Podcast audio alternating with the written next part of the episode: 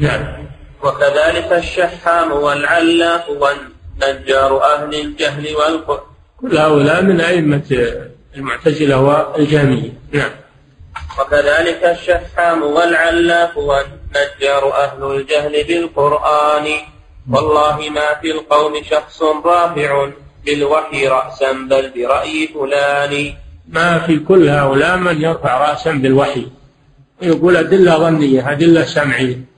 وإنما يهتمون بالجدل والمنطق والأدلة العقلية اللي هي عندهم يقينية يسمونها اليقينية.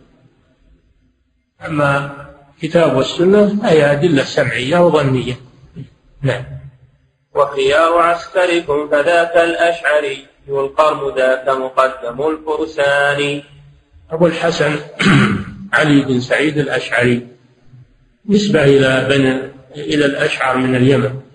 يقال أنه من ذرية أبي موسى الأشعري رضي الله عنه. هذا كان على مذهب المعتزلة. كان على مذهب المعتزلة في أول أمره. ثم إنه تاب من مذهب المعتزلة. واعتنق مذهب الكلابية. ثم إنه تاب من مذهب الكلابية وانتسب إلى مذهب أهل السنة في آخر حياته رحمه الله. وألف في ذلك الكتب الإبانة كتاب الإبانة أصول الديانة مقالات الإسلاميين وأعلن تراجعه. لكن أتباعه الأشعرية لم يرجعوا إلى قوله. بل رجعوا بل بل ينتسبون إلى مذهبه الذي هو مذهب الكلابية. فهم في الحقيقة كلابية وليسوا أشعرية. فانتسابهم إلى أبي الحسن هذا ظلم له لأنه رجع عن عن هذا المذهب. هو أقرب هؤلاء لأن عنده باق عنده بعض الأشياء لم يرجع عنها. يعني ما هو بسني محض لكنه قريب من السنة. قريب من السنة لكن تبرأوا منه. تبرأوا منه. نعم. لكنكم والله ما أنتم على إثباته والحق ذو برهان. أنتم تنتسبون إلى أبي الحسن الأشعري ولستم على إثباته للصفات. أنتم تنفون الصفات. نعم. هو قال إن الله فوق مثل الآن مثل الآن من ينتسبون إلى الأئمة الأربعة من الحنفية والمالكية والشافعية والحنابلة وهم على مذهب المعتزلة. ينتسبون إلى الأئمة الأربعة في الفقه لكن يخالفونهم في العقيدة. هؤلاء ليسوا حنابلة وليسوا حنفية وليسوا مالكية ولا شافعية. نعم. هو قال إن الله فوق العرش واستولى مقالة كل ذي بهتان. أعلم بأن بأنه يقول بقول الإمام أحمد الاستواء على العرش. أنه استوى على العرش استواء حقيقيا يليق بجلاله ارتفع وعلى على العرش. سبحانه وتعالى. صرح بهذا في كتابه الإبانة عن أصول الديانة وهو مقبول. نعم. هو قال إن الله فوق العرش واستولى مقالة كل ذي بهتان. وتبرأ من مقالة استولى التي يقولها الأشاعرة الذين هم الكلابية تبرأ من هذه المقالة. نعم. في كتبه طرا وقرر قول ذي الإثبات تقريرا عظيم الشان. نعم راجعوا كتاب الإبانة وراجعوا كتاب مقالات الإسلاميين. نعم. لكنكم أكفرتموه وقلتم من قال هذا فهو ذو كفران. كفرتم إمامكم. وخاطب الأشاعرة يقول لهم كفرتم إمامكم. لماذا؟ لأنكم تقولون من قال بإثبات الاستواء على العرش وإثبات العلو فهو مجسم كافر فمعنى هذا أنكم حكمتم على إمامكم بالكفر لأنه يقول هذا رحمه الله. نعم. فخيار عسكركم فأنتم منهم براء إذ قربوا من الإيمان. خيار عسكركم أبو الحسن الأشعري توبته وقربه من مذهب أهل السنة أنتم تبرأتم منه. لا لشيء إلا لأنه رجع إلى الحق. نعم. هذه العساكر قد تلاقت جهرة ودنا القتال وصيح بالأقران. هذا العساكر عساكر الموحدين المؤمنين وعساكر الملاحدة. قد التحمت وصيح بالأقران. والقتال هذا كما ذكرنا معنى هذا قتال الجدال قتال الجدال والخصام. ويسمى جهاد يسمى جهاد وهو عديد الجهاد بالسلاح. نعم. هذه العساكر. بل ربما يكون أهم من الجهاد بالسلاح. نعم. النبي صلى الله عليه وسلم كان يجاهد الكفار في مكة باللسان قبل الهجرة. فلما هاجر جاهدهم بالسلاح. فصار الجهاد باللسان مقدم. نعم. هذه العساكر قد تلاقت جهرة. ودنا القتال وصيح بالأقران صفوا الجيوش وعبئوها وابرزوا للحرب واقتربوا من الفرسان. فهموا إلى لقياكم بالشوق كي يوفوا بنذورهم من القربان. نعم أهل السنة يشتاقون إلى لقاء هؤلاء لأجل أن يدحضوا ما معهم من الباطل. يقولون ما علينا؟ كل له رأيه وكل له لا يشتاقون إلى إلى مقابلة هؤلاء الملحدين والمبطلين ليردوا باطلهم بالحجة والبرهان ويدحضوا زيفهم. هم في شوق إلى هذا. ما يقولون ما علينا منهم. إلا بعافية منهم وكل له رأي. هذه ما يقولها إنسان في قلبه إيمان. ما يقولها إلا إما جاهل ما يدري وإما إنسان في قلبه مرض. نعم. فهم إلى لقياكم بالشوق كي توفوا بنذرهم من القربان. نذروا لله أن يتقربوا إليه بقتالكم يعني بإبطال حججكم. ونذر نعم. ولهم إليكم شوق ذي قرم فما ولهم إليكم شوق ذي ولهم إليكم شوق ذي قرم قرم ولهم إليكم شوق ذي قرم فما؟ قرى قرى من؟ القرم هو آه القرم هو آه شهوة أكل اللحم. قال فلان فيه قرم يعني فيه شهوة للحم كثيرة. فهم فيهم قرم عليكم مثل قرم الذي يشتهي اللحم. نعم. هذا من شدة حرصهم على مقابلة هؤلاء الخصوم أنهم ما هم جبناء. هل شجاعة وهل ثبات؟ ما هم جبناء. يقولون ما علينا. يتركون أهل الباطل يصورون ويجولون ويقولون ما علينا. إن إذا تمسكنا بديننا ما علينا هذا ما يجوز في الإسلام. لابد من جهاد الكفار والمنافقين في كل زمان ومكان. قال صلى الله عليه وسلم من رأى منكم منكرا وليغيره بيده فإن لم يستطع فبلسانه فإن لم يستطع ففي قلبه. ذلك أضعف الإيمان. فعلى الأقل يبغضهم ويتبرأ منهم هذا على الأقل. ولا إن كان عنده القدرة فإنه ينكر باليد وباللسان. لكن يصير إلى القلب في آخر المراحل. ومعناه أنه يتبرأ منهم. ما يقول ما علي منهم أو بكيفهم أو هذول أهل أهل رأي وأهل اجتهاد اجتهدوا إلى آخره. هذا ما يقوله من في قلبه إيمان. إيمان صحيح. نعم يلعبون بدين الله. ونحن تقول كيفهم؟ ما علينا منهم. كل له رأيه. هذه تردد هذه المقالة الآن. ولو بيقوم واحد من أهل الحق في الدفاع عن الحق قالوا هذا متسرع وهذا منبوه وهذا أخطأ في كذا بدل ما أنهم يناصرونه ويشجعونه يخذلونه هذا التخذيل. نعم. ولهم إليكم شوق ذي قرم فما يشفيه غير موائد اللحمان. اي نعم. قرم هو اللي هو محبة اللحم. شبه حرص أهل الحق على مقابلة أهل الباطل بحالة من فيه قرم للحم. يود أنه يتمكن منه. نعم.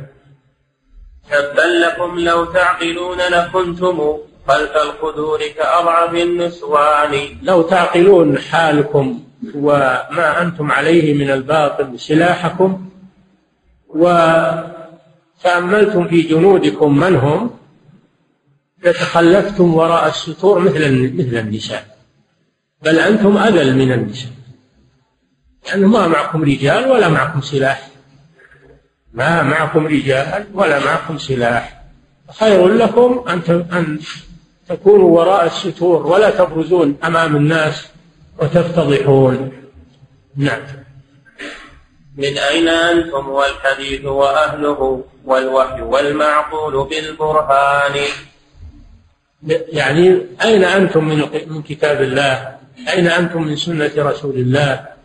أين أنتم من العقل الذي تدعون أنكم تعتمدون عليه؟ العقل ضدكم العقل الصحيح ضدكم. فهم دعواهم المعقول هذه غلط. المعقول هو ما يوافق الكتاب والسنة هذا هو المعقول. أما المعقول اللي يخالف الكتاب والسنة هذا ما هو بعقل. نعم.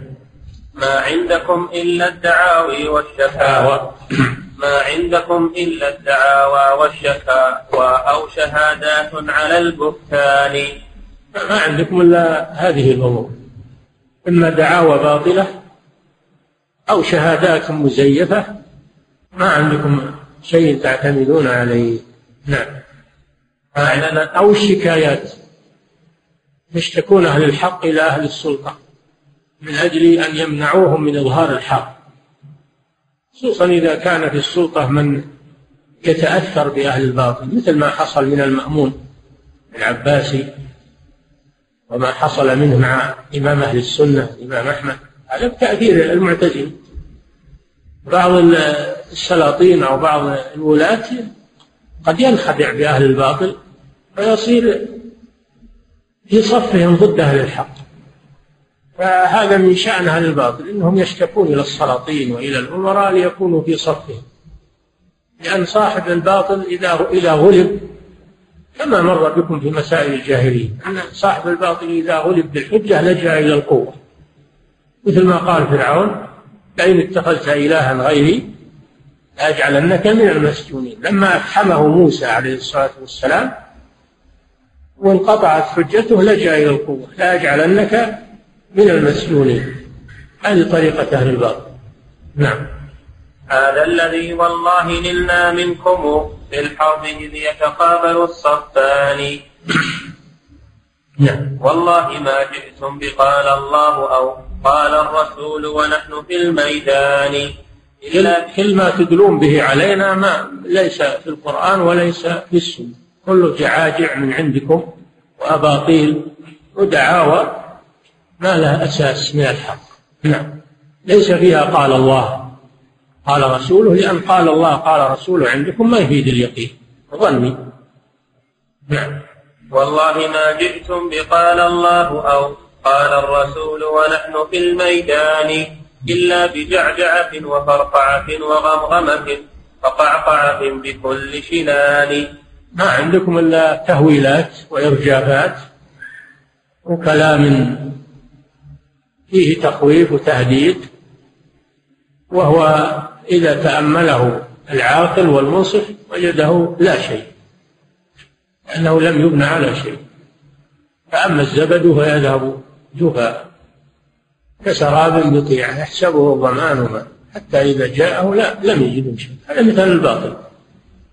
الباطل وإن لمع وصار له لمعان وله بريق لكن عند التحقيق يظهر زيفه يظهر باطله نعم. ويحق ذاك لكم وأنتم أهله. أنتم بحاصلكم أولو عرفان. نعم. ويحق لكم هذه المهانة وهذه الذلة. وأنتم أهلها. لأنكم عاديتم كتاب الله وسنة رسوله صلى الله عليه وسلم. وعاديتم أهل الحق. فيحق لكم هذا الهوان وهذا الخذلان. وهذه الفضائح. نعم. وبحقكم تحموا مناصبكم وأن تحموا مآكلكم بكل سنان. كذلك من شأنكم أنكم تحافظون على مناصبكم. الوزارة والقضاء والوظائف اللي أنتم عليها تحافظون عليها ولو بالباطل. والمآكل والمشارب اللي اللي تقدم لكم. أنكم لو اتبعتم الحق تظنون أن تذهب عليكم هذه المناصب وهذه المآكل والمشارب. ما تؤثرون الحق بل تؤثرون هذه الظواهر الدنيوية. نعم. وبحقنا نحمي الهدى وندب عن سنن الرسول ومقتضى القرآن. أما نحن فلسنا ننظر إلى المناصب ولا إلى الوظائف ولا إلى المآكل والمشارب بل ننظر إلى نصرة الحق. هذا هدف أهل السنة. نصرة الحق. وأما المناصب والوظائف والمآكل والمشارب والمظاهر هذه ما تهم صاحب الحق أبدا. الصحابة كانوا يقاتلون وهم يأكلون أوراق الشجر ما معهم شيء. وكان الواحد منهم يأخذ التمرة الواحدة يمصها ويشرب عليها الماء. وفتحوا المشارق والمغارب كانوا يأكلون الجراد. يأكلون الجراد إذا وجدوا. ما همهم المناصب والمآكل والمشارب؟ همهم نصرة الحق. نعم. قبح الإله مناصبا نعم. ومآكلا. نعم. قبح الإله مناصبا ومآكلا. قامت على العدوان والطغيان. لا تفيد هذه المناصب وهذه المآكل والمشارب والفخرات هذه تذهب سدى. ولا تنفع أهلها. بخلاف الحق. فإنه يبقى صاحب الحق ينتصر في النهاية والعاقبة تكون له في الدنيا والآخرة. نعم. لكن هذا يحتاج إلى صبر يحتاج إلى أمرين. يحتاج إلى يقين ويحتاج إلى صبر. كما قال تعالى وجعلنا منهم أئمة يهدون بأمرنا لما صبروا وكانوا بآياتنا يوقنون. قال شيخ الإسلام ابن تيمية رحمه الله بالصبر واليقين تنال الإمامة في الدين. أخذا من هذه الآية وجعلنا منهم أئمة يهدون بأمرنا لما صبروا هذا هو السبب لما صبروا وكانوا بآياتنا يوقنون. نعم. والله لو جئتم بقال الله أو قال الرسول كفعل ذي الإيمان كنا لكم شاويش تعظيم وإذلال كشاويش لذي سلطان. لو جئتم بالكتاب والسنة صرنا جنود لكم خدم لكم لأن صاحب الحق يريد الحق مع من كان. يقول إن ما سببناكم وقلنا فيكم ما قلنا من أجل أغراض شخصية بل قلناه لمخالفتكم للكتاب والسنة. ولو تبعتم الكتاب والسنة فصرنا أتباعا لكم. وصرنا جنودا لكم هذا هو الإنصاف. نعم. هم بدعة. ما في كثير نعم. لكن هجرتم ذا وجئتم بدعة وأردتم التعظيم بالبهتان. ما أخذتم بالكتاب والسنة. لا أخذتم بالبدعة. وأردتم التعظيم. أولا اعتمدتم على البدعة ما اعتمدتم على الكتاب والسنة. وثانيا ما أردتم الحق وإنما أردتم طمع الدنيا. نعم. رسول. أحسن الله إليك قبلة الشيخ. أيهما أفضل الملائكة أم الأنبياء؟ وهل يجوز أن نقول إن محمدا أفضل خلق الله والأنبياء أفضل الخلق؟ هذه مسألة خلافية التفضيل بين الملائكة وصالح البشر. مسألة خلافية ويقولون ما تحتها طائف الأحسن السكوت عنها. الله أعلم. لكن محمد صلى الله عليه وسلم كما قال عليه الصلاة والسلام أنا سيد ولد آدم. سيد ولد آدم ولا فخر ما قال أنا سيد الملائكة؟ الله أعلم. نعم. أحسن الله إليك صاحب الفضيلة. لماذا نحكم على المعتزلة والجهمية والوجودية؟ هل يحكم بكفرهم أم ماذا؟ العلماء يقولون من تعمد من تعمد منهم الدعوة إلى هذه المذاهب وهو يعلم أنها باطلة هذا كان وأما من اعتنقها متأولا يظن أنها حق أو مقلدا لمن يظن أنه على حق فهذا يعتبر ضال ولا يكفر. يدرى عنه التكفير بالتأويل والتقليد الجاهل. نعم. وأغلبهم كذلك. أغلبهم مقلدة ولا مؤولة. نعم. أما دعاتهم وأئمتهم هؤلاء كفر نعم. لأنهم عرفوا الحق ورفضوه. نعم. أحسن الله إليكم صاحب الفضيلة. يقول ذكرتم حفظكم الله أن ابن سينا يسلم له الحفظ بالطب. نعم. فهل يصح تسمية المستوصفات باسمه وإن كان ذلك لا يجوز فكيف الطريقة إلى إنكاره؟ في بلاد المسلمين لا. يعني هذا تعظيم لهذا الملحد. ولو كان طبيبا ما المسلمون لا يعظمون أهل الإلحاد. يعني وما هل ما في الكفرة أطباء؟ أصل الطب الآن جاي من من الكفرة. هل نسمي مستشفياتنا اسمائهم؟ لا هذا لا يجوز. نعم. أحسن الله إليك صاحب الفضيلة. أليس تسمية الشيعة بالرافضة أولى لأن ذلك يغيظهم؟ والله يقول ولا يطؤون موطئا يغيظ الكفار إلا كتب لهم به عمل خالد الشيعة أقسام. الرافضة قسم من الشيعة. ما هم بالشيعة فرقة واحدة. الرافضة قسم منهم يقال لهم الإمامية وقال لهم الرافضة وقال لهم الجعفرية. قسم منهم. فيهم الزيدية وفيهم الباطنية والإسماعيلية والقرامطة والفاطمية. فرق كثيرة نعم. أحسن الله إليك صاحب الفضيلة. الآن كلما رد عالم على آخر أخطأ قالوا هذا كلام الأقران يضوى ولا يروى. ما رأيكم في هذه القاعدة وهل هي على إطلاقها؟ أنا بينت لكم يجب بيان الحق. يجب بيان الحق ورد الخطأ. ولا ما نجامل أحدا. ما نجامل أحدا. نبين الخطأ وندل على الحق في الذي يقابله ولا لنا شأن بفلان أو علان. نعم. ولا يجوز السكوت لأن لو تركنا الخطأ والخطأ الثاني والخطأ الثالث كثرت الأخطاء وصار الناس يظنونها منها وسكوت العلماء عنها يعتبرون حجة. فلا بد من بيان لا سيما إذا كان هذا الذي أخطأ قدوة يتخذه الناس قدوة أو له رئاسة. فالأمر أخطأ يبين يبين خطأه علشان ما يغتر به. نعم. كما الله إليك صاحب الفضيلة. ما يقال ما يقال تروى تطوى تروى وتطوى ما يقال هذا. هذا كلام من باطل. إلا تروى ويرد عليه. واللي يبي يزعل يزعل واللي يبي يرضى يرضى.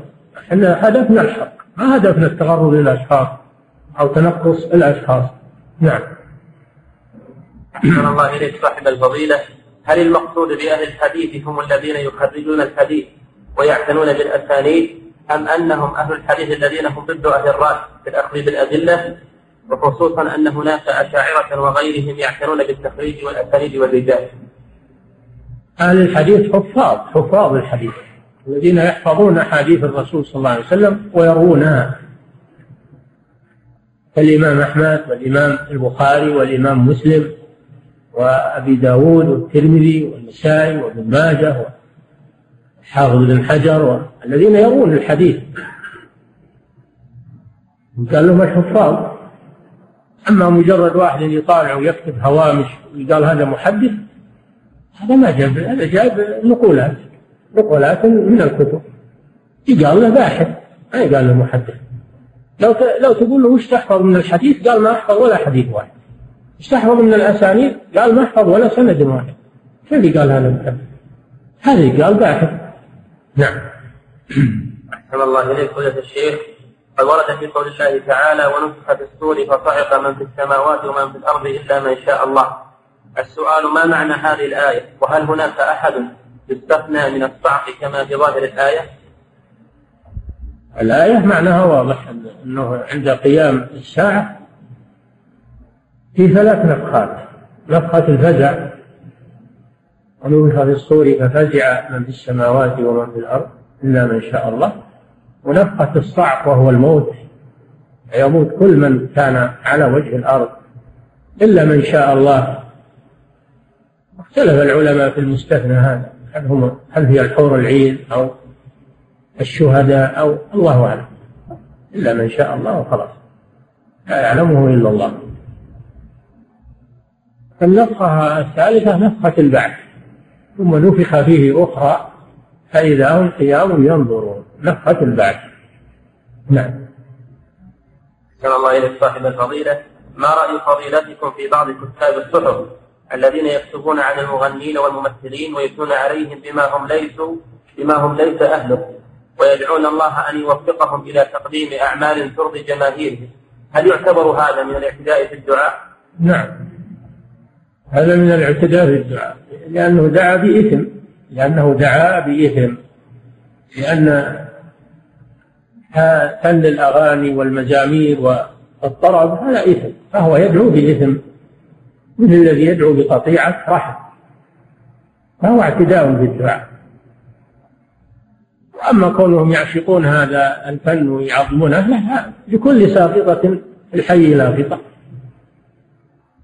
كل شيء له له أحد يشجعه. أهل الخير يشجعون الخير وأهل الشر يشجعون الشر. والطيور على أشباهها تقع كما في المثل. نعم. أحسن الله إليكم صاحب الفضيلة. وردت أسئلة كثيرة تعزيكم وتعزز حضورة الشيخ الألباني. ومنها ما يسأل هل يجوز أن تقام عليه صلاة الغائب؟ رحمه الله وغفر له ولجميع أموات المسلمين. له عليكم الدعاء. وأما الصلاة فإذا أذن فيها ولي الأمر فلا بأس. أما ما أذن فيها ولي الأمر فلا يعمل هذا. نعم. أحسن الله إليك. ذكرتم في درس اليوم أن الصحابة رضوان الله تعالى عليهم يأكلون التمرة ويتبعونها بالماء والجراد إن وجدوه ولا تهمهم الدنيا. وفتحوا الفتوحات ونحن اليوم في نعمة عظيمة وسوف يسألون الله سبحانه وتعالى عنها. ما نصيحتكم لنا لشكر هذه النعم التي نحن فيها من المآكل والمشارب والملابس وغيرها. نصيحتنا لأنفسنا ولجميع المسلمين أن تصرف هذه النعم في طاعة الله عز وجل. لأن الشكر له ثلاثة أركان لا يكون شكرا إلا إذا قام على ثلاثة أركان التحدث بهذه النعم ظاهرا والاعتراف بها باطنا في القلب ثم صرفها في طاعة الله عز وجل. فمن صرفها في معصية الله فقد كفر هذه النعمة ومن ومن كتمها ولم يتحدث عنها فهو كافر لهذه النعمة. ومن تحدث عنها وهو يعتقد بقلبه أنها ليست من الله وإنما هي بكده وكسبه وحوله وقوته هذا ليس شاكرا لله عز وجل. لا بد من هذه الأمور الثلاثة. التحدث بها ظاهرا ثناء على الله بها الاعتراف بقلبه أنها من الله ليست بحوله ولا بقوته وليست هي من فعل فلان أو علان. صرفها في طاعة الله عز وجل والاستعانة بها على طاعة الله بطاعة مسديها وموليها. هكذا يكون الشكر. نعم. صلى الله إليك صاحب الفضيلة ما رأيكم في هاتين العبارتين؟ لئن أصحب فاجرا حسن الخلق أحب إلي من أن أصحب عابدا سيء الخلق. والثانية حسن الخلق حسنة لا يضر معها دم وسوء الخلق سيئة لا ينفع معها كثرة الحسنات كلام جاهل صحيح. أصحاب فاسق وماجن تقول هذا حسن الخلق يأثر عليك. هذا يأثر عليك. والعابد صحبتك له خير تقتدي به وأما كونه سيء الخلق هذا عليه هو. لكن أنت تتأثر بعمله وفي مقارنته. نعم والعبارة الثانية. يقول وحسن الخلق حسنة لا يضر معها دم وسوء الخلق سيئة لا ينفع معها كفر الحسنة يعني حسن الخلق ولو كان كافر ما يضره الكفر الشرك إيش هالكلام هذا؟ لا يضر معها دم يعني لو كان كافر ولو كان مشرك ولو كان ملحد ما دام إنه حسن الخلق هو مغفور له. من يقول هذا؟ وسوء الخلق لا ينفع معها طاعة. يعني إذا صار سيء الخلق وهو مؤمن موحد ويصلي ويصوم ما تنفعه الطاعات هذا هذا كلام باطل. نعم حسن الخلق مطلوب و... وسوء الخلق مذموم لكن ما يصل إلى هذا الحد. نعم. أحسن الله إليكم صاحب الفضيلة. يقول عندي ضعف شديد في الذاكرة. هل هناك دعاء معين أو آيات معينة للاستشفاء بها؟ الرقية التي جاء بها الحديث الفاتحة. سورة الفاتحة هي الرقية وكذلك سورة الإخلاص والمعوذتين ويقرأ من القرآن ما تيسر مع اليقين بالله عز وجل والإيمان بالله عز وجل ويحصل المقصود بإذن الله. نعم. الرقية إنما هي سبب. أبلغوا من كل من عمل الرقية يشفى. الرقية سبب إن شاء الله نفعت وإن شاء لم تنفع. لكن ما ييأس الإنسان ولا يقنط. نعم. يعمل الأسباب الطيبة ولا يقنط. نعم. أحسن الله إليكم صاحب الفضيلة. يقول ما هو الضابط في العزاء؟ وكيف يصنع لهم الطعام الطعام يوما أو يومين؟ وهل يجوز الجلوس مع أهل الميت لمواساتهم يوما أو يومين؟ إذا كان أهل الميت يحتاجون من يجلس معهم لأجل مواساتهم وإعانتهم فلا بأس يجلس معهم لحاجتهم إلى ذلك يأنسهم ويعينهم يثبتهم عند المصيبة. أما إذا كان ما يحتاجون إليه فلا داعي لجلوسه معه يزيدهم ثقل وحمل.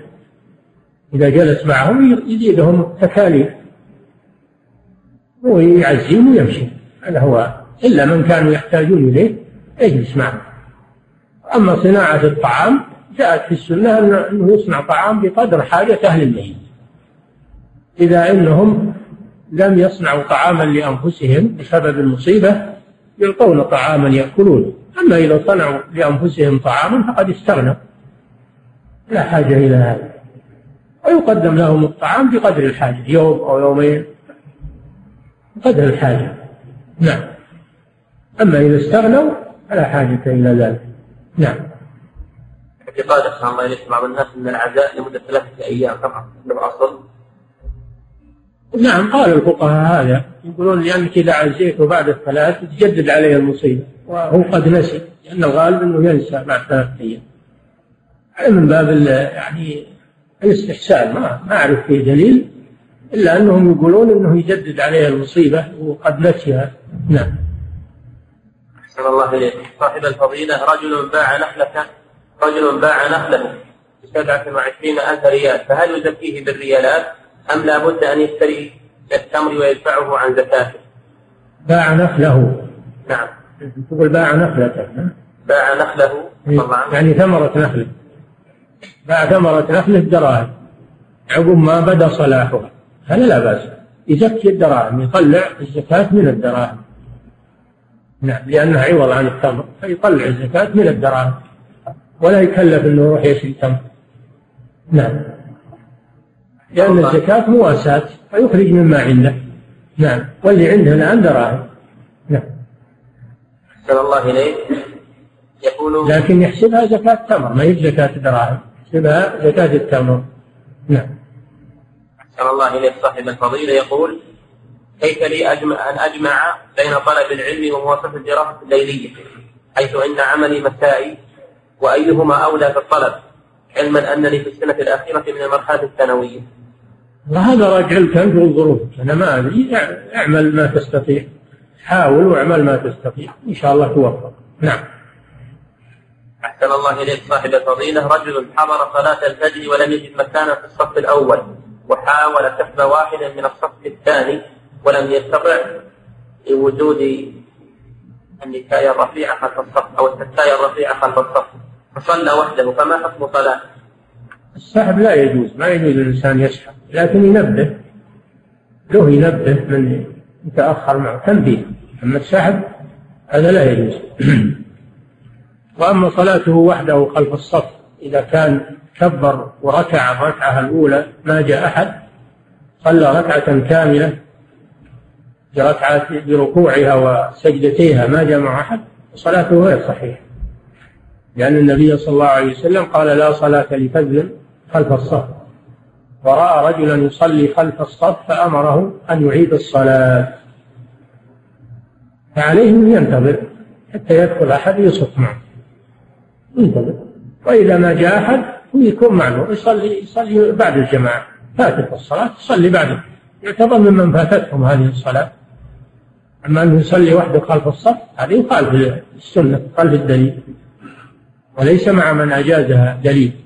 إلا تعليلات. تعليلات لا تقابل الأدلة. لا يصح أن الإنسان يصلي خلف الصف وحده. وقد نهاه الرسول صلى الله عليه وسلم عن ذلك. وأمره أن يعيد الصلاة. نعم. أحسن الله إليك صاحب الفضيلة. مسألة التورق. هل يشترط أن لا يجد من يقبض من يقرضه؟ لا ما ما يشترط. لكن إن وجد من يقرضه فهو أحسن. القرض أحسن. وإذا وإذا عمل مسألة التورق أنه قد يكون ما يبي منة الناس. ما يبي أحد يقرضه يمن عليه. ما يبي المنة يعمل مسألة التورق بضوابطها الشرعية ولا حرج فيها إن شاء الله. نعم. أحسن الله إليكم فضيلة الشيخ. ما حكم بيع الذهب الذي فيه خرز بريالات سعودية من غير فصله؟ إذا بيع الذهب بالدراهم فلا بأس بالتفاضل خلاف الجنس.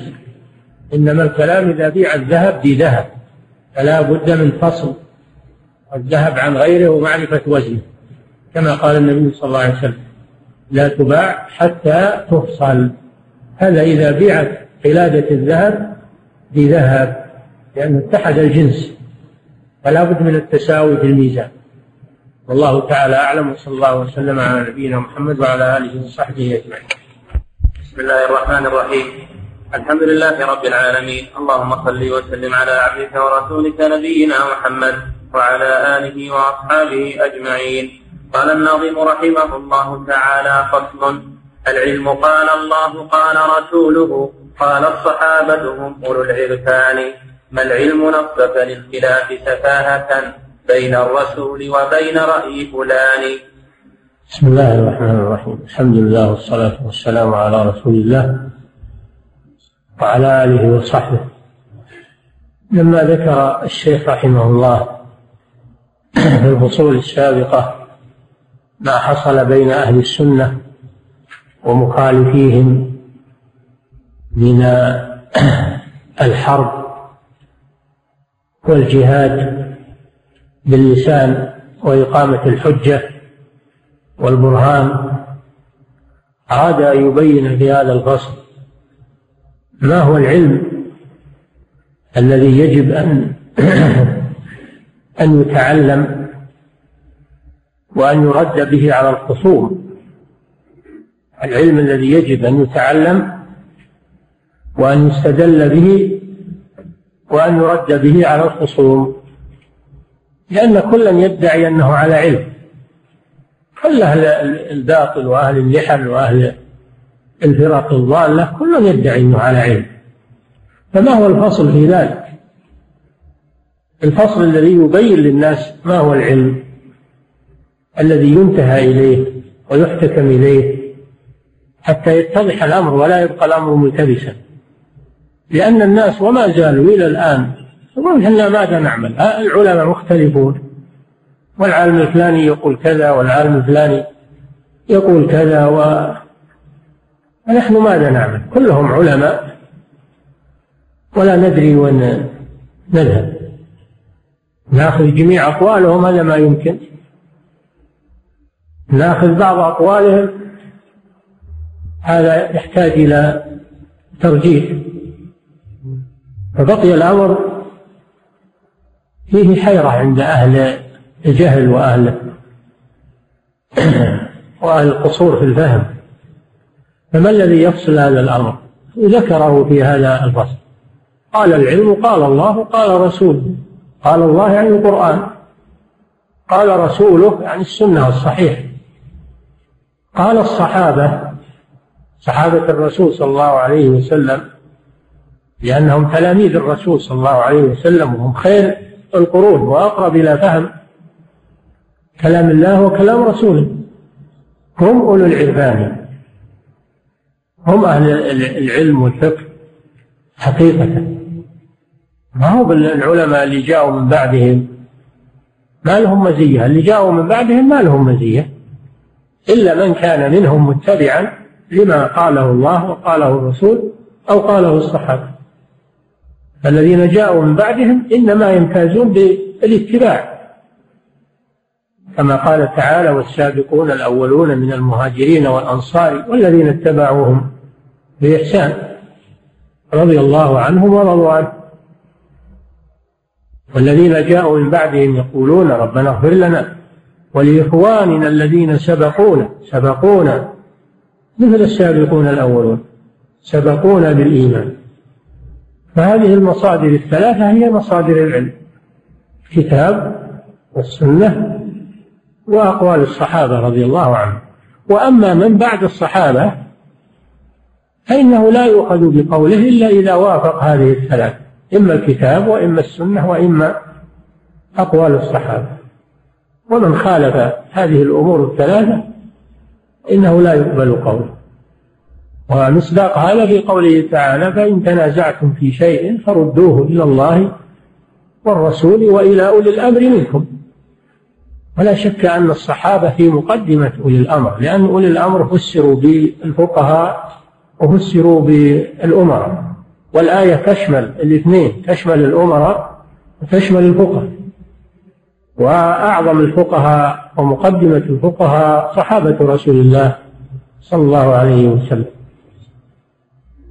قال الصحابة هم أولي العرفان هم أولو العرفان يعني أهل الفقه والعلم. بما خصهم الله به من صحبة نبيه صلى الله عليه وسلم وتلقيهم عنه. فهم الواسطة بين الرسول صلى الله عليه وسلم وبين الأمة. هم حملة الشريعة على الحقيقة. نحن ما عاصرنا الرسول ولا رأيناه. لكن نعتمد على نقل صحابة رسول الله صلى الله عليه وسلم. فهم واسطتنا بالعلم إلى الرسول صلى الله عليه وسلم وهم عمدتنا ما العلم نصبك؟ ما هذه نافية. تعمل عمل ليس. تعمل عمل ليس. ترفع الاسم وتنصب الخبر. ما العلم نصبك؟ ما؟ هذه تعمل عمل ليس. العلم اسمها. نصبك هذا خبرها منصوب. ما العلم؟ يعني التقدير ليس العلم نصبك. ما العلم نصبك للخلاف سفاهة بين الرسول وبين رأي فلان؟ إذا إذا قال الرسول صلى الله عليه وسلم كذا وجب المصير إليه. ولا نقول قال العالم الفلاني أو أفتى فلان بكذا. لا قول لأحد مع قول رسول الله صلى الله عليه وسلم. ولهذا يقول ابن عباس رضي الله عنه لما احتجوا عليه بقول أبي بكر وعمر في منع فسخ الحج إلى العمرة قال رضي الله عنه أقول لكم قال رسول الله صلى الله عليه وسلم وتقولون قال أبو بكر وعمر يوشك أن تنزل عليكم حجارة من السماء.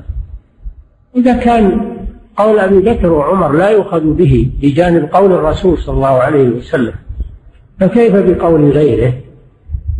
ويقال فلان ذهب إلى كذا فلان أفتى بكذا. والحديث يخالف ما قاله ويخالف ما وعلان ما دام أنه يخالف قول الرسول صلى الله عليه وسلم. الواجب المصير إلى قول الرسول صلى الله عليه وسلم. العلم نصبك للخلاف سفاة بين الرسول وبين رأي فلان. يعني واحد من العلماء. والآخر يقول العلم قال قال الله قال رسوله. ليس خلف ليس خلف فيه. ما العلم نصبك للخلاف سفاهة بين الرسول وبين رأي فقيه؟ وبين رأي فقيه. المعنى واحد. معنى الأبيات واحد. العلم قال الله قال رسوله قال الصحابة ليس خلف فيه. ما العلم نصبك للخلاف سفاهة بين الرسول وبين رأي فقيه؟ هذا هو مضمون كلام ابن القيم هنا. وهذا مجمع عليه بين أهل العلم. ويقول الشافعي رحمه الله أجمع المسلمون على أن من استبانت له سنة رسول الله صلى الله عليه وسلم لم يكن له أن يدعها لقول أحد. هذا قول الإمام الشافعي رحمه الله. أجمع المسلمون على أن من استبانت له سنة رسول الله صلى الله عليه وسلم فليس له أن يدعها لقول أحد. هذا هو الواجب. نعم. ما العلم نصبك للخلاف سفاهة بين الرسول وبين رأي فلان. كلا ولا جحد الصفات لربنا في قالب التنزيه والسبحان. كذلك العلم هو إثبات ما أثبته الله لنفسه من الأسماء والصفات وإثبات ما أثبته له رسوله صلى الله عليه وسلم من الأسماء والصفات إثباتا إلى تمثيل وتنزيها عن التشبيه تشبيها تنزيها بلا تعطيل. ليس العلم هو نفي الصفات الذي عليه المعطلة ويقال الصفات يلزم من إثباتها كذا وكذا ويلزم ويلزم. والله منزه عن ذلك إلى آخر هذيانهم ثم في النهاية ينفون الأسماء والصفات. هذا ما هو بعلم هذا جهل. لأنهم بنوه على قواعد المنطق قواعد العقل التي يسموها عقليات وهي جهليات الحقيقة. بنوا علمهم على قواعد المنطق وعلم الكلام فنفوا الأسماء والصفات. هذا هو العلم عندهم. العلم عندهم هو نفي الأسماء والصفات. هذه عقيدتهم. ويقول لا العلم هو إثبات الأسماء والصفات كما جاءت. نعم. نعم. كلا ولا نفي العلو لفاطر الأكوان فوق جميع الأكوان. نعم.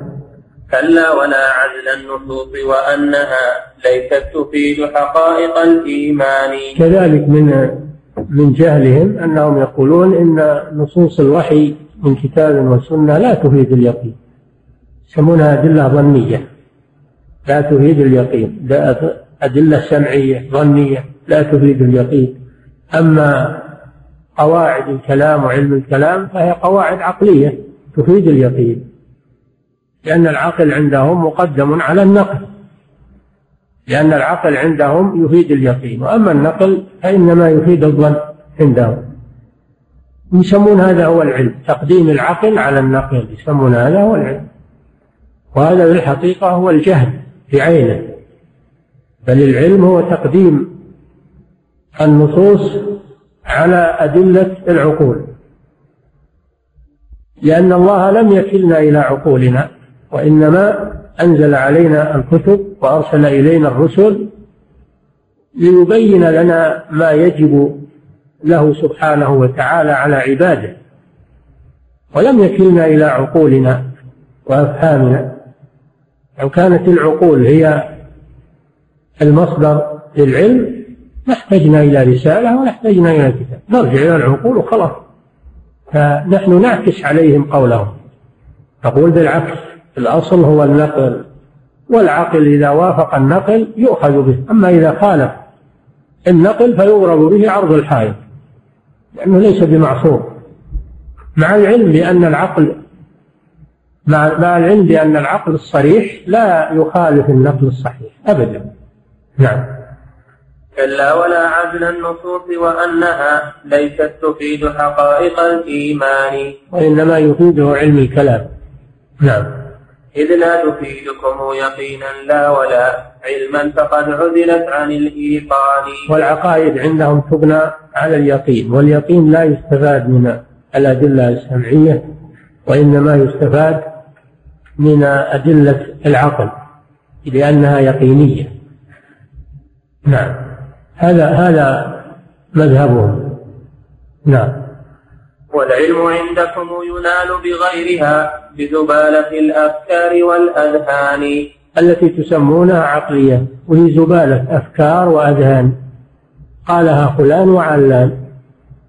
فهي زبالة مثل الكناس في الشوارع.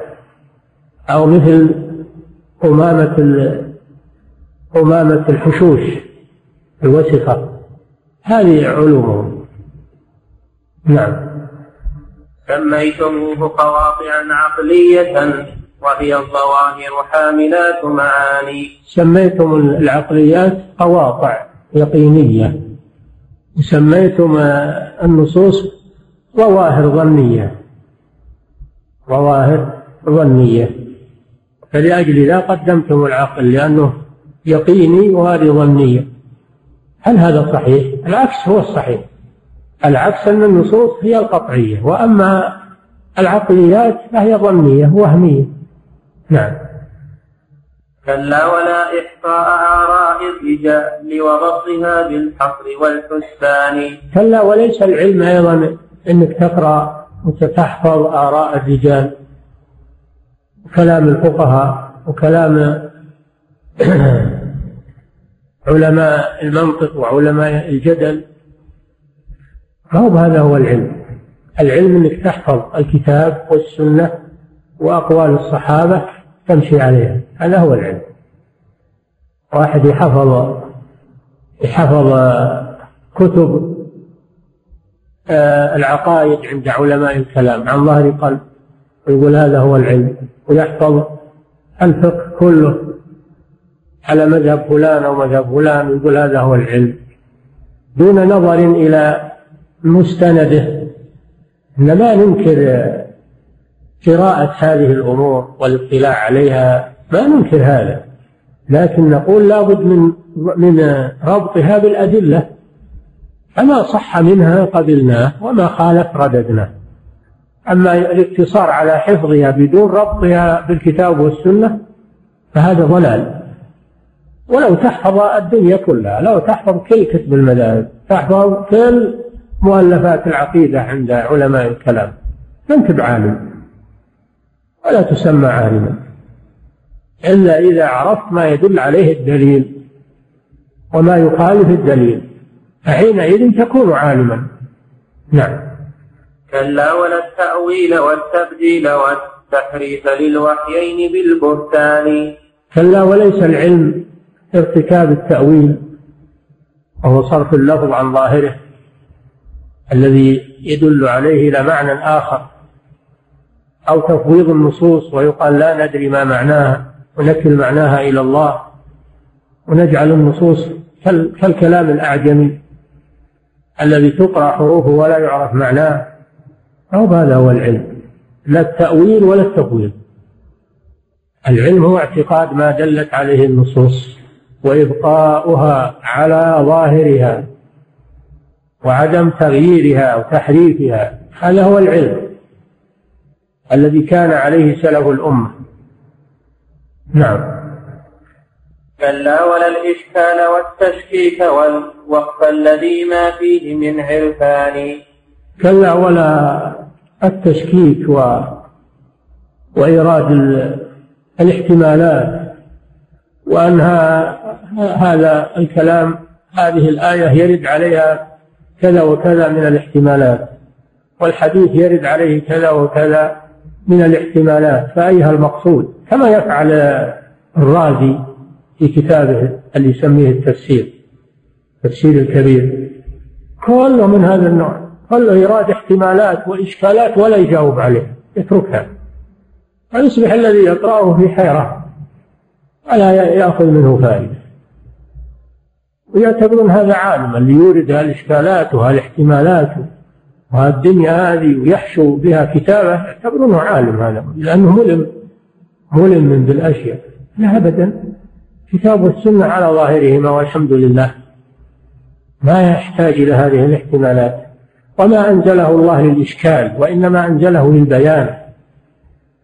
ما أنزل الله الكتاب والسنة للاحتمالات والإشكالات والأحاجي والألغاز. وإنما أنزلهما للهداية والبيان وأن نعتقد ما يدلان عليه. ولا نروح نقول يحتمل كذا ويحتمل كذا يسمون القرآن حمال معاني والأحاديث حمالة معاني لذلك لا تصلح للاستدلال لأنها محتملة. هذا من من وساوس الشياطين وإراداتهم على كتاب الله. سنة رسوله صلى الله عليه وسلم. نعم. هذه علومكم التي من أجلها عاديتمونا يا أولي العرفان هذه علومكم. هذه الأمور اللي هي تقديم العقل على النقل التي هي تأويل النصوص عن ظاهرها أو التوقف فيها والتقييد التي هي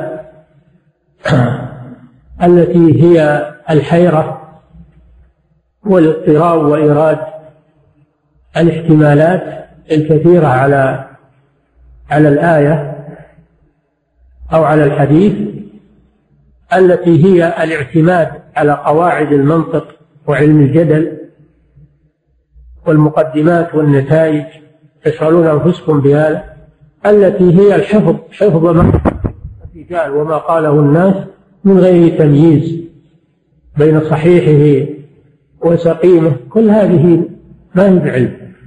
هذه جهل. نعم. فصل في عقد الهدنة والأمان الواقع بين المعطلة وأهل الإلحاد حزب جنكز خان جنكز خان هو قائد التتر الذين داهموا بلاد المسلمين. في أيام آخر خلفاء بني العباس داهموا بلاد المسلمين بمشورة الشيعة بن العلقمي ونصير الدين أو نصير الكفر الطوسي وغيرهم الذين جلبوا جيوش التتار على بلاد المسلمين. لما جاء هؤلاء الجيش الجرار الفتاك ما كان لهؤلاء موقف معهم. هؤلاء ما كان لهم موقف مع التتار وإنما صالحوهم واستسلموا لهم. ما وقف في نحورهم إلا أهل السنة.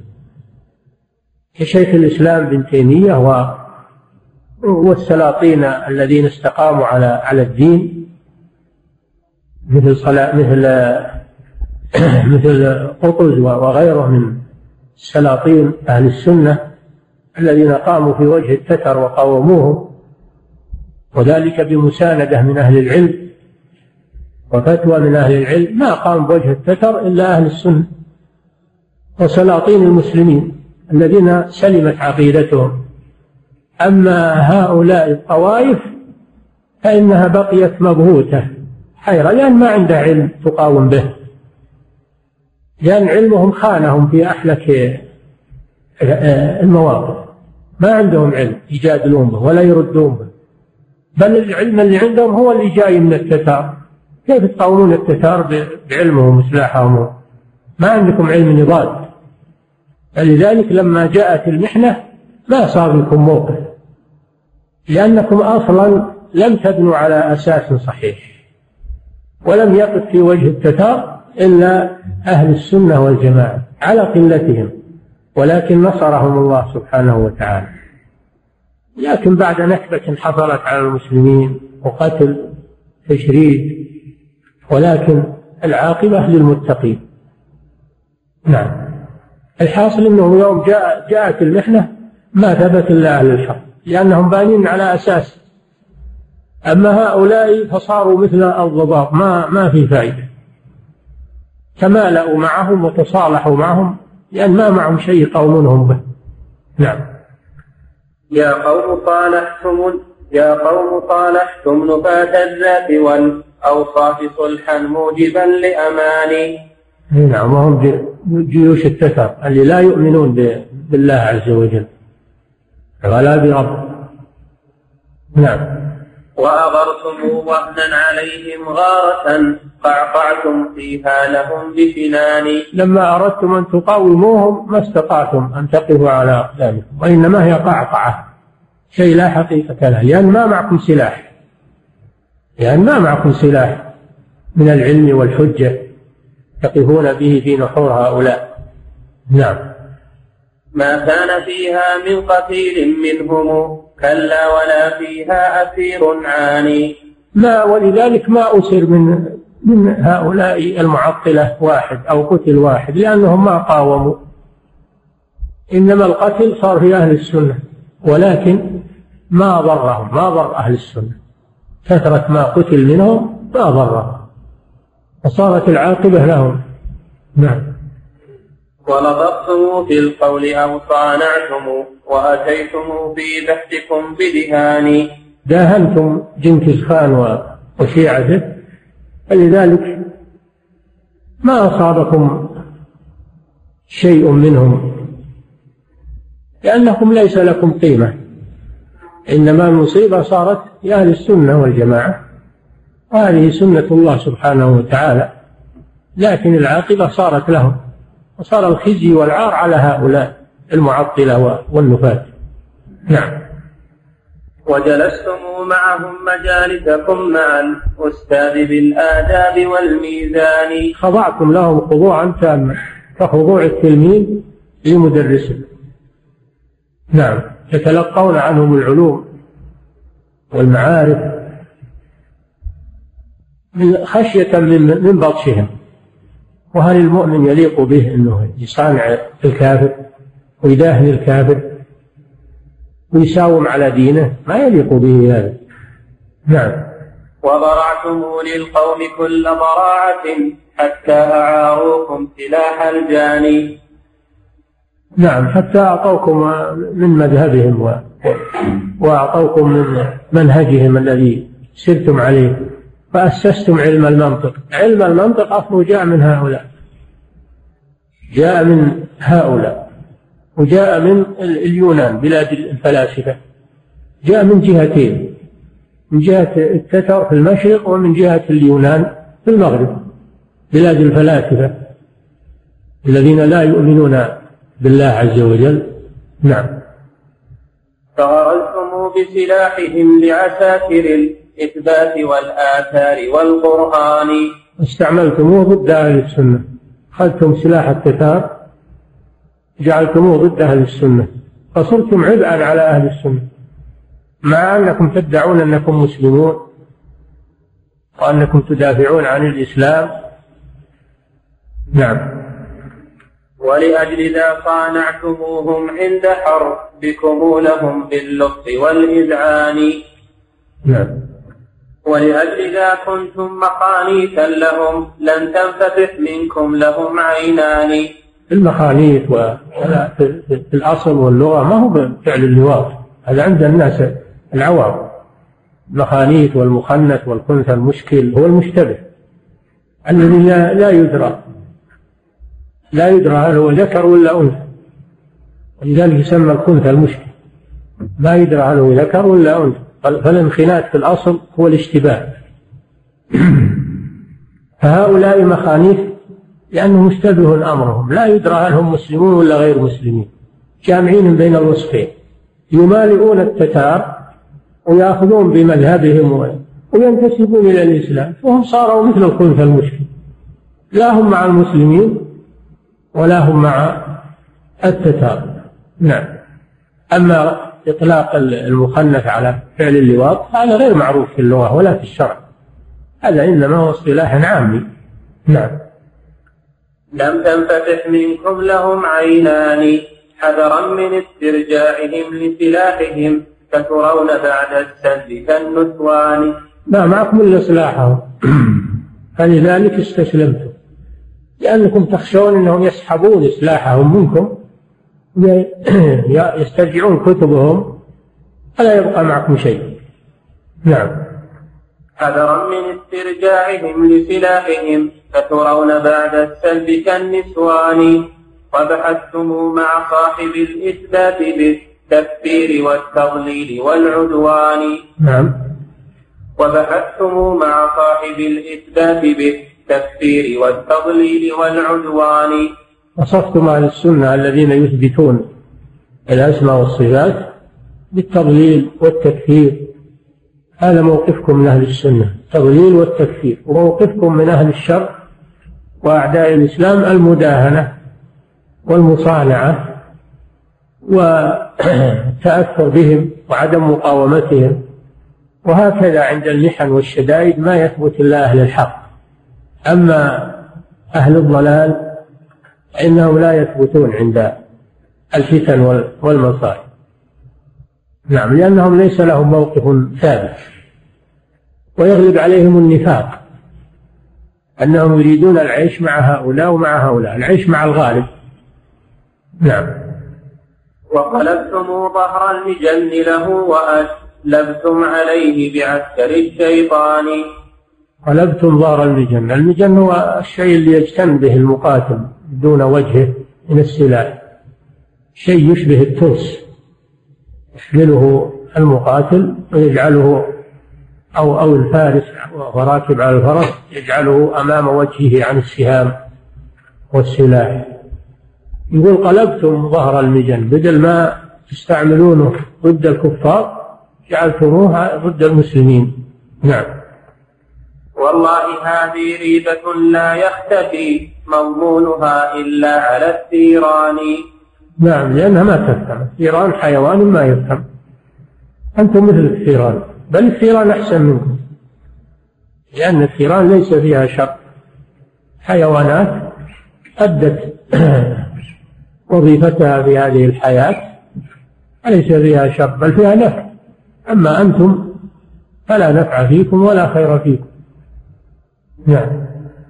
هذا وبينهما أشد تفاوت فئتان بالرحمن مختصمان. بين أهل السنة وبين أهل التعطيل. بينهم تفاوت وهم خصمان. كما قال جل وعلا هذان خصمان اختصموا في ربهم. الذين كفروا قطعت لهم ثياب من نار يصب من فوق رؤوسهم الحميم يصهر به ما في بطونهم والجلود. ولهم مقامع من حديد. إلى قوله تعالى إن الله يدخل الذين آمنوا وعملوا الصالحات جنات تجري من تحتها الأنهار حلون فيها من أساور من ذهب ولؤلؤا ولباسهم فيها حرير. وهدوا إلى الطيب من القول وهدوا إلى صراط الحميد. هذا مصير هذا مصير الخصمين. خصم إلى النار وخصم إلى الجنة. نعم. هذا نفى ذات الإله ووصفه نفيا صريحا ليس بالكتمان. نعم. لكن ذا وصف الإله بكل أوصاف الكمال المطلق الرباني. خصم نفى أوصاف الرب وأسماءه ووصفه بالنقائص والعيوب. وخصم أثبت ما أثبته الله لنفسه ونزهه عما لا يليق به وهم أهل السنة. ما الخصمان سواء؟ نعم. لكن ذا وصف الإله بكل أوصاف الكمال المطلق الرباني ونفى النقائص والعيوب كنفيه تشبيها للرحمن بالإنسان. نعم فأهل السنة يثبتون الأسماء والصفات وينفون عنها التشبيه وينزهون الله جل وعلا لكن من غير تعطيل. نعم. فلأي شيء كان حربكم له بالحد دون معطل الرحمن. فلأي شيء كان حربكم له بالحد دون معطل الرحمن. نعم. قلنا نعم هذا المجسم كافر. أفكان ذلك كامل الإيمان؟ تقولون إن هذا مجسم إن المتمسك بالسنة مجسم لأن السنة تدل على التجسيم. وهذا بنفسه كفر لأنه وصف الرسول صلى الله عليه وسلم بأنه مجسم. ولذلك كفرتم أهل السنة لأنهم مجسمة لأنهم قالوا بقول الرسول صلى الله عليه وسلم إذا يكون المجسم هو الرسول صلى الله عليه وسلم. هذا يكفي تصور هذا القول في في قبحه وبعده عن الحق. نعم. يقول لأي شيء قاتلتم أهل السنة وقاومتموهم قالوا لأنهم عندنا مجسمة. كيف صاروا مجسمة؟ يشرحوا لنا. لأنهم تمسكوا بالكتاب والسنة. والكتاب والسنة يفيدان التجسيم. إذا يكون القرآن والسنة ضلال على رأيكم. نعم. لا تنطفي نيران غيظكم على هذا المجسم يا أولي النيران. اللي تسمونه مجسم؟ نعم. فالله يوقدها ويصلي حرها يوم الحساب محرف القرآن. نعم. يا قومنا لقد ارتكبتم خطة لم يرتكبها قط ذو عرفان. وأعنتم ارتكبتم مع أهل السنة خطة ما ارتكبها إنسان عارف. وإنما يرتكبها الجاهل والأحمق وإلا كان الواجب الإنصاف. الإنصاف حتى مع العدو.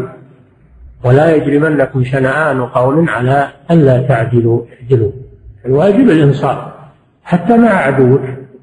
ما تجور عليه. وتقوله ما لم يقل تكذب عليه. ما يجوز هذا. في حق العدو والكافر فكيف بالمسلم؟ نعم. وأعنتم أعداءكم بوفاقكم لهم على شيء من البطلان. نعم. أخذوا نواصيكم بها ولحاكم فغدت تجر بذلة وهوان. نعم أصبحتم تبعا لهم يجرونكم بلحاكم وبرؤوسكم ولا تستطيعون الفكاك منهم لأنكم استسلمتم لهم في الأول. ونسيتم كتاب الله وسنة رسوله صلى الله عليه وسلم لذلك استذلوكم واستعبدوكم. وهذه عاقبة من أعرض عن الكتاب والسنة وأخذ بأقوال الناس. نعم. قلتم بقولهم ورمتم كسرهم أنا وقد غلقوا لكم برهان غلقوا قلتم بقولهم ورمتم كسرهم أنا وقد غرقوا لكم برهان. نعم هم آخذين عليكم رهان يعني رهن توثيق. وهم كتفينكم متوثقين منكم ما لكم منهم خلاص. نعم. وكسرتم الباب الذي من خلفه أعداء رسل الله والإيمان. نعم الفتنة دونها باب. الفتنة دونها باب مغلق. لكن إذا كسر الباب جاءت الفتنة. الواجب على المسلمين أن يبقوا على هذا الباب مغلقا ولا يفتحوا باب الفتنة. فإذا فتحوه انداعت عليهم الفتن من كل صوب. وهذا الباب هو الكتاب والسنة. ما يقف في وجوه الكفار والمعاندين والخصوم إلا كتاب الله وسنة رسوله صلى الله عليه وسلم. بفهم وعلم وتمسك.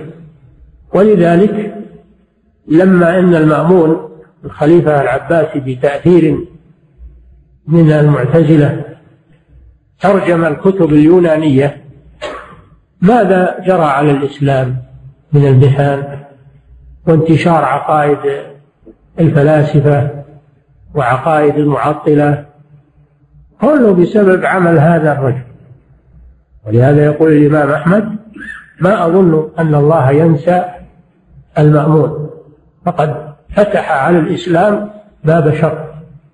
الخلفاء من قبله ما ما هموا بهذا الشيء بل كانوا يجاهدون في سبيل الله ويفتحون الفتوح ويقاومون الكفار لكن هو وهو ذكي وهو من أهل السنة وخليفة وقوي لكن الجلساء أثروا عليه. الجلساء أثروا عليه والبطانة أثرت عليه. حتى إنهم أقنعوه بأن يلزم الناس بالقول بخلق القرآن. فحصل القتل في المسلمين وحصل الحبس بسبب هذه الفتنة. ولم يثبت إلا الإمام أحمد رحمه الله. ثبت في وجه هذا الطاغية. فصار موقفه عزا لأهل السنة والجماعة إلى يوم القيامة. نعم. والإيمان فأتى عدو ما لكم بقتالهم وبحربهم أبد الزمان يداني. فتحتوا لهم الباب وبعدين تقاومونهم. هم كان الأصل أنكم أغلقتم الباب. لأن الشر إذا فتحت له المجال وبعدين تبي ترده ما تستطيع. لكن رده دام ما بعد جاء سهل جدا. تبقي على الأصل. وعشان المسلمون كذلك. ما داموا ما فتحوا مجالا للشر يبقون سالمين. لكن إذا فتحوا مجالا للشر وبعدين انتبهوا وأرادوا أنهم يدفعون هذا الشر ما يستطيعون لأنه تمكن وانتشر. لكن منعه في أول الأمر سهل. أما منعه بعد أن ينتشر فهو مستحيل. وهذه قاعدة.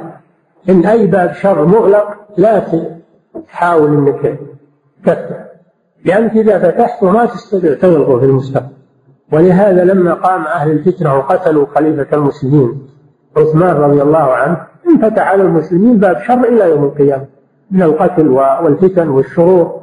ما استطاعوا يغلقون هذا الباب. ما استطاعوا يغلقون هذا الباب. فباب الشر إذا فتح ما استطاع إغلاقه بعد نعم. فغدوتم أسرى لهم بحبالهم أيديكم شدت إلى الأذقان. نعم. حملوا عليكم كالسباع استقبلت حمرا معقرة ذوي أرسان هدوا عليكم مثل هد السباع على الحمير المعقرة المقطوعة أرجلها. تستطيع الهرب حمير مقطعة أرجلها. ودي سباع ضارية جوعة جوعة. ما تستطيع الحمير مقاومتها أنتم مثل هذا معقرين وحمر في أفكاركم وبلادتكم. تستطيعون مقاومة. نعم. قالوا عليكم بالذي صلتم به أنتم علينا صولة الفرسان. هذه عقوبة. لما صلتم على أهل الحق سلط الله عليكم أهل الباطل. لما صلتم على أهل الحق سلط الله عليكم أهل الباطل. فلم تستطيعوا ردهم. عقوبة لكم. نعم. لولا تحيزكم إلينا كنتم وسط العرين ممزق اللحمان. لم ينجو منكم إلا من انحاز إلى أهل السنة مثل الأشعري رحمه الله. لما انحاز إلى أهل السنة واعترف بخطأ أولا ترك الاعتزال كان معتزلا معتزليا ثم ترك الاعتزال ثم بعد ذلك ترك مذهب الكلابية انحاز إلى أهل السنة بقي له ذكر طيب وحصل له رجوع إلى الحق فلم يسلم منكم إلا من عمل هذا العمل. نعم. لكن بنا استنصرتم وبقولنا قلتم عليهم صولة الشجعان. نعم. وليتم الإثبات إذ صلتم به وعزلتم التعطيل عزل مهاني نعم. وأتيتم تغزوننا بسرية من عسكر التعطيل والكفران نعم. من ذا بحق الله أجهل منكم وأحقنا بالجهل والعدوان تالله ما يدري الفتى بمصابه والقلب تحت القتل والخذلان نعم. فصل في مسارع فصل في مصارع النفاة والمعطلين بأسنة أمراء الإفتاء الموحدين. لما ذكر موقف أهل التعطيل من أعداء الإسلام وأنهم تمالأوا معهم و وملكوهم نواصيهم ولم يستطيعوا مقاومتهم ذكر موقف أهل الحق من هذه الفئة. نعم. ومنهم شيخه شيخ الإسلام ابن تيمية رحمه الله. ذكره وأثنى عليه وذكر مؤلفاته في هذا الفصل. نعم. وإذا أردت ترى مصارع من خلا من أمة التعطيل والكفران وتراهم أسرى حقير شأنهم حقيرا. نعم. وتراهم أسرى حقيرا شأنهم أسرا يعني سمي ما يخالف. الله نعم. وتراهم أسرا حقيرا شأنهم أيديهم غلت إلى الأذقان وتراهم تحت الرماح دريئة ما فيهم من فارس طعان وتراهم تحت السيوف تنوشهم من عن شمائلهم وعن أيمان وتراهم انسلخوا من الوحيين والعقل الصحيح ومقتضى القرآن. فهم لا هم اتبعوا الوحي الصحيح ولا اتبعوا العقل الصريح. فصاروا منسلخين من هذا ومن هذا نعم. وتراهم والله ضحكة ساخر ولطالما سخروا من الإيمان. قد أوحست منهم ربوع زادها الجبار إيحاشا مدى الأزمان. وخلت ديارهم وشتت شملهم ما فيهم رجلان مجتمعان. نعم سلط الله الخلاف بينهم. سلط الله الخلاف بينهم ولذلك تفرقوا إلى شيع وأحزاب كل حزب بما لديهم فرحون. هذا من العقوبة. تفرق والتشتت وفرح كل واحد بما هو عليه وتكفيره للآخر. هذا من العقوبة. نعم. بخلاف أهل السنة فإنهم جماعة واحدة. متناصرون متعاضدون. يتحابون ويتعاونون دائما وابدا لأنهم يعتمدون على الكتاب والسنة. نعم. قد عطل الرحمن أفئدة لهم من كل معرفة ومن إيمان. إذ عطلوا الرحمن من أوصافه والعرش أخلوه من الرحمن. الجزاء من جنس الأعمال. لما عطلوا الرحمن من أسمائه وصفاته عطل الله قلوبهم من الفهم والإدراك. جزاء له. نعم. بل عطلوه عن الكلام وعن صفات كماله بالجهل والبهتان. نعم. فقرأت صانيف الإمام حقيقة شيخ الوجود العالم الرباني. أعني أبا العباس أحمد ذلك البحر المحيط بسائر الخلجان. وقرأ كتاب العقل والنقل الذي ما في الوجود له نظير ثاني. ممن من أعظم من قام في وجوه تتار ووجوه الفرق شيخ الإسلام ابن تيمية. فقد قاوم المعتزلة والجهمية وقاوم الصوفية وقاوم الشيعة وقاوم علماء الكلام وألف في ذلك المؤلفات التي أصبحت ثروة للإسلام والمسلمين. نعم. واقرأ كتاب العقل والنقل الذي ما في الوجود له نظير ثاني. هذا من أعظم مؤلفات كتاب العقل والنقل. الذي طبع الآن باسم درء تعارض العقل والنقل بتحقيق الدكتور محمد رشاد سالم رحمه الله. كتاب عظيم. ما في الوجود له نظير ثاني يعني من الكتب المؤلفة. من الكتب المؤلفة التي ألفها العلماء. ما هو يقصد كتاب الله أو سنة الرسول صلى الله عليه وسلم وإنما يقصد الكتب المؤلفة التي ألفها العلماء. الحقيقة ما له نظير في مؤلفات العلماء لأنه غاص على أشياء وبين أشياء ما بينها مثله. نعم. وكذاك منهاج له في رده قول الروافض شيعة الشيطان. الكتاب الثاني منهاج أهل السنة والجماعة آه، منهاج أهل السنة آه، منهاج السنة النبوية في رد آه، مذهب الشيعة والقدرية منهاج السنة النبوية في نقض في نقض كلام الشيعة والقدرية. المشهور باسم المنهاج لشيخ الإسلام ابن تيمية هو مطبوع أيضا وآخر ما طبع في جامعة الإمام محمد بن سعود بتحقيق الدكتور محمد رشاد سالم رحمه الله. نعم. وكذاك أهل الاعتزال فإنه أرداهم في حفرة الجبان.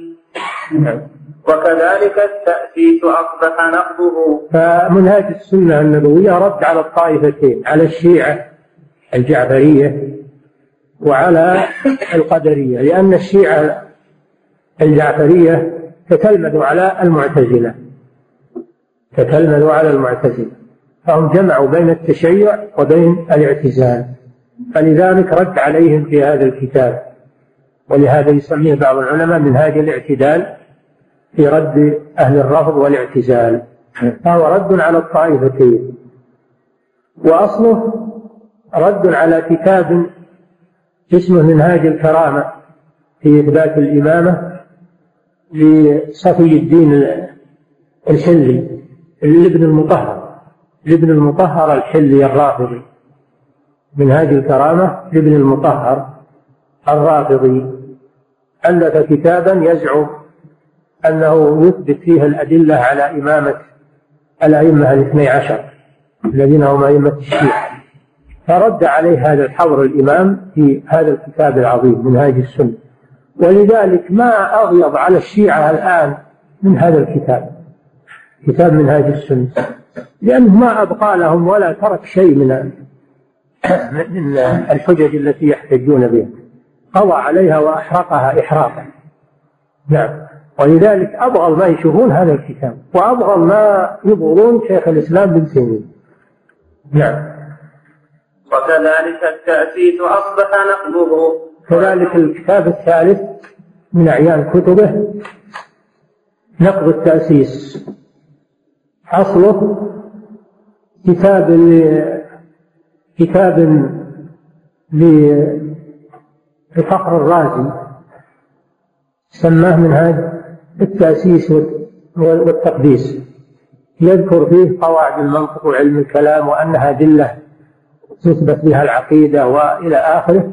فجاء الشيخ نقضه في كتاب اسمه نقض التأسيس أو في عبارة أخرى نقض تلبيس الجهمية. وقد طبع أو هو تحت الطبع الآن. هو تحت الطبع الآن لأنه تولى تحقيقه جماعة من جماعة من من طلاب جامعة الإمام محمد بن سعود الإسلامية. وأظنه الآن تحت الطبع. وهو كتاب يمكن يزيد على عشرة مجلدات. نعم. وكذلك التأسيس أصبح نقضه أعجوبة للعالم الرباني. قد نقضه نقضا. جعله جعله ضحوكة للناس. نعم. وكذاك أجوبة له مصرية في ست أسفار كتبن سمان وهي الفتاوى المصرية المشهورة بالفتاوى المصرية مطبوعة في خمسة مجلدات. نعم. وكذا جواب للنصارى فيهما يكفي الصدور وإنه سفران. نعم. ومن أعيان كتبه العظيمة كتابه في الرد على النصارى. الجواب الصحيح لمن بدل دين المسيح. وقد طبع الآن محققا في ثمانية مجلدات. الجواب الصحيح لمن بدل دين المسيح. رد فيه شبهات النصارى التي يستدلون بها على صحة مذهبهم وما هم عليه.